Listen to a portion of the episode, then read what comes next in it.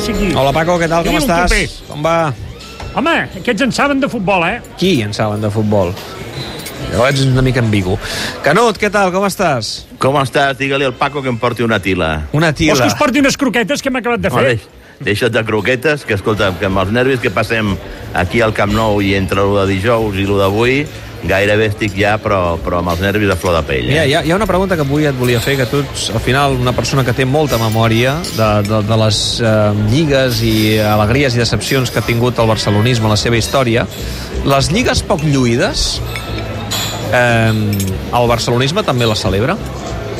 Bueno, el barcelonisme va cometre el pecat o l'error, jo diria que el pecat de soberbia, que per exemple l'última lliga d'Ernesto Valverde, clar que havia de venir acompanyat per un doblet com era la Champions, que es va quedar en les semifinals d'Anfield contra el Liverpool, eh, no, la, no, no es va celebrar, no hi va haver ni rua ni, ni, ni celebració, perquè a més a més després es va perdre també la final de Copa i aleshores aquella lliga no va ser celebrada. La resta, jo diria que totes sí que s'han celebrat. Ho dic, ho dic per allò, i potser teni, estem mal acostumats, no? especialment per l'època de Guardiola i el que va venir després, que el Barça sí o sí ha de jugar bé per guanyar títols. I aquest any potser cauen dos títols, potser, perquè ara mateix el Barça està en disposició i té ben encarat tant a la Copa com a la Lliga, fent alguns partits eh, poc brillants, com és el cas d'avui. Sí, sí, però és que al llarg de- de- d'una temporada es fan partits poc brillants, no? El mateix Barça Guardiola va tenir, per exemple, ara que recordi en la primera lliga que va guanyar, la, primer, la temporada del Sextet, va perdre a casa contra l'Espanyol, que era Cué, i després va, va venir en una altra temporada, al començament crec que era la, la temporada 11-12, va venir l'Hèrcules al Camp Nou i, i, i, i, et, i et va guanyar, no? Mm. Crec que, però que aquell any el Barça no va guanyar després la Lliga, no? Però, però no tot, no tots són... Eh, passa que la memòria és selectiva en el món del futbol i al final de tot, eh, David, d'aquí un any o d'aquí uns anys, quan, eh, quan recordem la, la Lliga aquesta, no pensarem si el futbol va ser més o menys brillant. Pensarem que el Barça va guanyar la Lliga i esperem que pugui guanyar també la Copa i que a sobre la Copa es va desfer en les semifinals del, del Real Madrid, no? Mm, eh, és, és lògic que la gent recordi lo bo, s'oblidi el més aviat possible de lo dolent i, i molt probablement doncs, de partits com el, com el d'avui eh, contra el València doncs, eh, poc record tindran. Escolta, per cert, saps quin dia és dimarts? El dimarts és, eh, eh, he llegit que es compleixen dos anys de la presidència de la Porta des que va ser escollit. Correcte, correcte, Sí. m'has llegit bé. Eh, perquè volia preguntar, quina nota li poses aquests dos anys de mandat a la porta? La nota que li poso, doncs eh, li posaria un 6. Un 6. Sí. Per què? Argumenta molt. Bueno, aviam, en primer lloc tu saps que jo he estat crític amb la porta, sobretot per la gestió que va fer de la, del tema Koeman quan va ser entrenador. Però dit això, eh, crec que, aviam, quan es va fer càrrec de la presidència era una situació molt difícil i això s'ha de reconèixer que va tenir valentia i caràcter, no? Però també se'ns va dir tota una sèrie de mitges veritats que després no s'han complert i, evidentment, la que més pesa és la fugida per la porta del darrere i, a més a més, allò en, en un obrir tancar d'ulls de Leo Messi del, del, del Barça que va tenir una sortida que no es correspon amb el, amb el que ha estat el millor jugador de la història del, del club. A nivell econòmic s'ha hagut de, de, de, de fer moltes eh, mans i mànigues per intentar combatre doncs, el deute enorme que va deixar l'anterior junta directiva, també tot eh, en part motivat bona part eh, al marge dels accessos en les nòmines dels jugadors, també pels efectes de la pandèmia, no?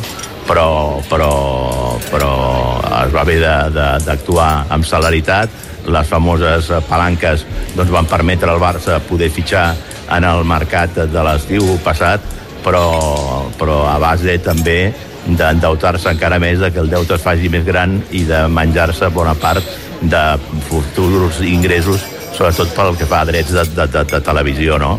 I per tant, doncs, eh, crec que ens espera un futur encara incert, perquè sobretot no es té gens clar de quina manera s'acabarà gestionant el que és el projecte, diguem-ne, de patrimonial més important de la història del Barça, com és l'espai Barça, no? I per tant, doncs, fins que tot això no, no tinguem la certesa ni l'aigua clara, no em permet doncs, donar una nota més alta a aquests dos anys de gestió de, de Joan Laporta. Hi ha una cosa, això sí, que la Porta ja va aconseguir en el seu primer mandat i que se li ha de reconèixer, que és que ha tornat a omplir el Camp Nou.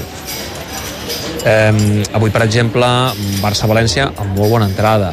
eh, partits eh, contra rivals menors, eh, sempre hi ha bon entrenador al Camp Nou. És a dir, aquesta il·lusió eh, la Junta de la Porta l'ha aconseguit recuperar, perquè veníem no, de, de dies la, molt complicats, eh? La, la Porta és un personatge que empatitza molt amb la gent, no? i especialment diríem que amb les noves generacions de barcelonistes, no? I, i, i fruit d'aquesta empatia doncs fa que, que l'afició... Alguns diuen que no és el propi Laporta el que ha aconseguit enganxar a la gent, sinó que és aquest equip eh, renovat. Però jo eh, li donaria bona part, com, com tu mateix has dit, d'aquest èxit del retorn del públic al, al, al Camp Nou doncs, a l'empatia que té la porta amb l'afició i també doncs, a la, a la, al, al ple funcionament del, del famós seient lliure que fa doncs que els socis que abans eh, es quedaven a casa i no anaven al futbol, deixaven el carnet eh, tancat en un calaix, doncs hagin començat a posar en pràctica els avantatges que et representa doncs, eh, utilitzar el seient lliure eh, i això fa doncs, que l'estadi es vegi ple eh, de gent partit rere partit sense que siguin els ocupants de les seves localitats els habituals i tradicionals. No? Tu vas al Camp Nou un dia partit i pràcticament de la gent que seu al voltant teu no coneixes pràcticament a ningú, no? I la majoria... passa, allò, allò que de, de ja poder conversar amb els veïns habituals, eh, amb, tu que tens seient al Camp Nou, eh, et deu passar, no? Ostres, no, no sé qui tinc al voltant. Bueno, jo darrerament és que he, he deixat una mica d'anar al, al, al camp perquè des que hi va haver la pandèmia i vaig descobrir els avantatges de veure-ho per la tele eh, respecte a, la, a les inclemències que has de suportar quan vas al camp, doncs eh, darrerament em, em, em decanto més a veure-ho per la tele. Però sí fas, que ja... Fas seient lliure, tu, eh? Sí, ja més enllà d'això, eh, en la, la darrera etapa que anava al camp, sí que em trobava, que mirava a dreta i a esquerra, davant i a, i a darrere, i pràcticament no coneixia ningú, no? I eren, i eren, i eren estrangers, que a més a més venien amb, amb moltíssima... No, no, no. No, no. Bé, en fi. Escolta'm, um... digues, digues, Canut. No, t'anava a dir que avui estic encara flipant del 7 a 0 que li han sí, cascat del el... Liverpool contra el United, eh? Mare eh, meva. Coses mare. estranyes que passen al futbol, eh? El bueno, Liverpool que estava però... enterrat, semblava, i mira. Sí, no? El Liverpool que semblava enterrat i el United que semblava que havia de guanyar no la Champions aquest any, però que s'havia reivindicat i que, mm. que durés una miqueta més la Premier encara s'enduria el títol. I avui li han donat una repassada que, que es considera històrica Bé, en, el, en el futbol anglès. Aquest marcador li serviria al Liverpool per remuntar contra el Madrid, eh, la Champions. Tu t'imagines. Bé, coses més estranyes han passat al futbol. El que passa que hauria de ser un 0 a 7, en aquest cas al Bernabéu. Bé, ja veurem quan, quan s'acosti el moment. Només una pregunta, allò, de cop al vot. Punxarà avui el Madrid al Villamarín, creus? Jo crec que sí, que el Madrid avui no sortirà amb els 3 punts del Villamarín. Això que el Betis té la baixa de Fekir, eh? Canales sí, també, són baixes sí, importants, sí. però tu Tu jo no, jo, jo ho, tinc, ho tinc posat en vermell avui a les 9 veure el partit ah, i he vist el partit del Camp Nou he vist després el, també el partit del Liverpool mm. i ara em falta ja la, la, la traca final que és la del, la del Benito Villamarín molt bé, Canut, me'n vaig cap a dalt abraçada forta, que vagi bé, fins Apa! la setmana que ve adeu, Canut. adeu Paco, adeu, cuida't, que vagi molt bé escolta, està una miqueta calenteta la tila, eh Mira, Canut, què vols? Eh, una Maria Lluïsa? No, vols, poso un cafè d'aquests avellana. Se, se m'ha escaldat la llengua, home, amb, amb, amb aquesta tila que m'ha fotut bullint.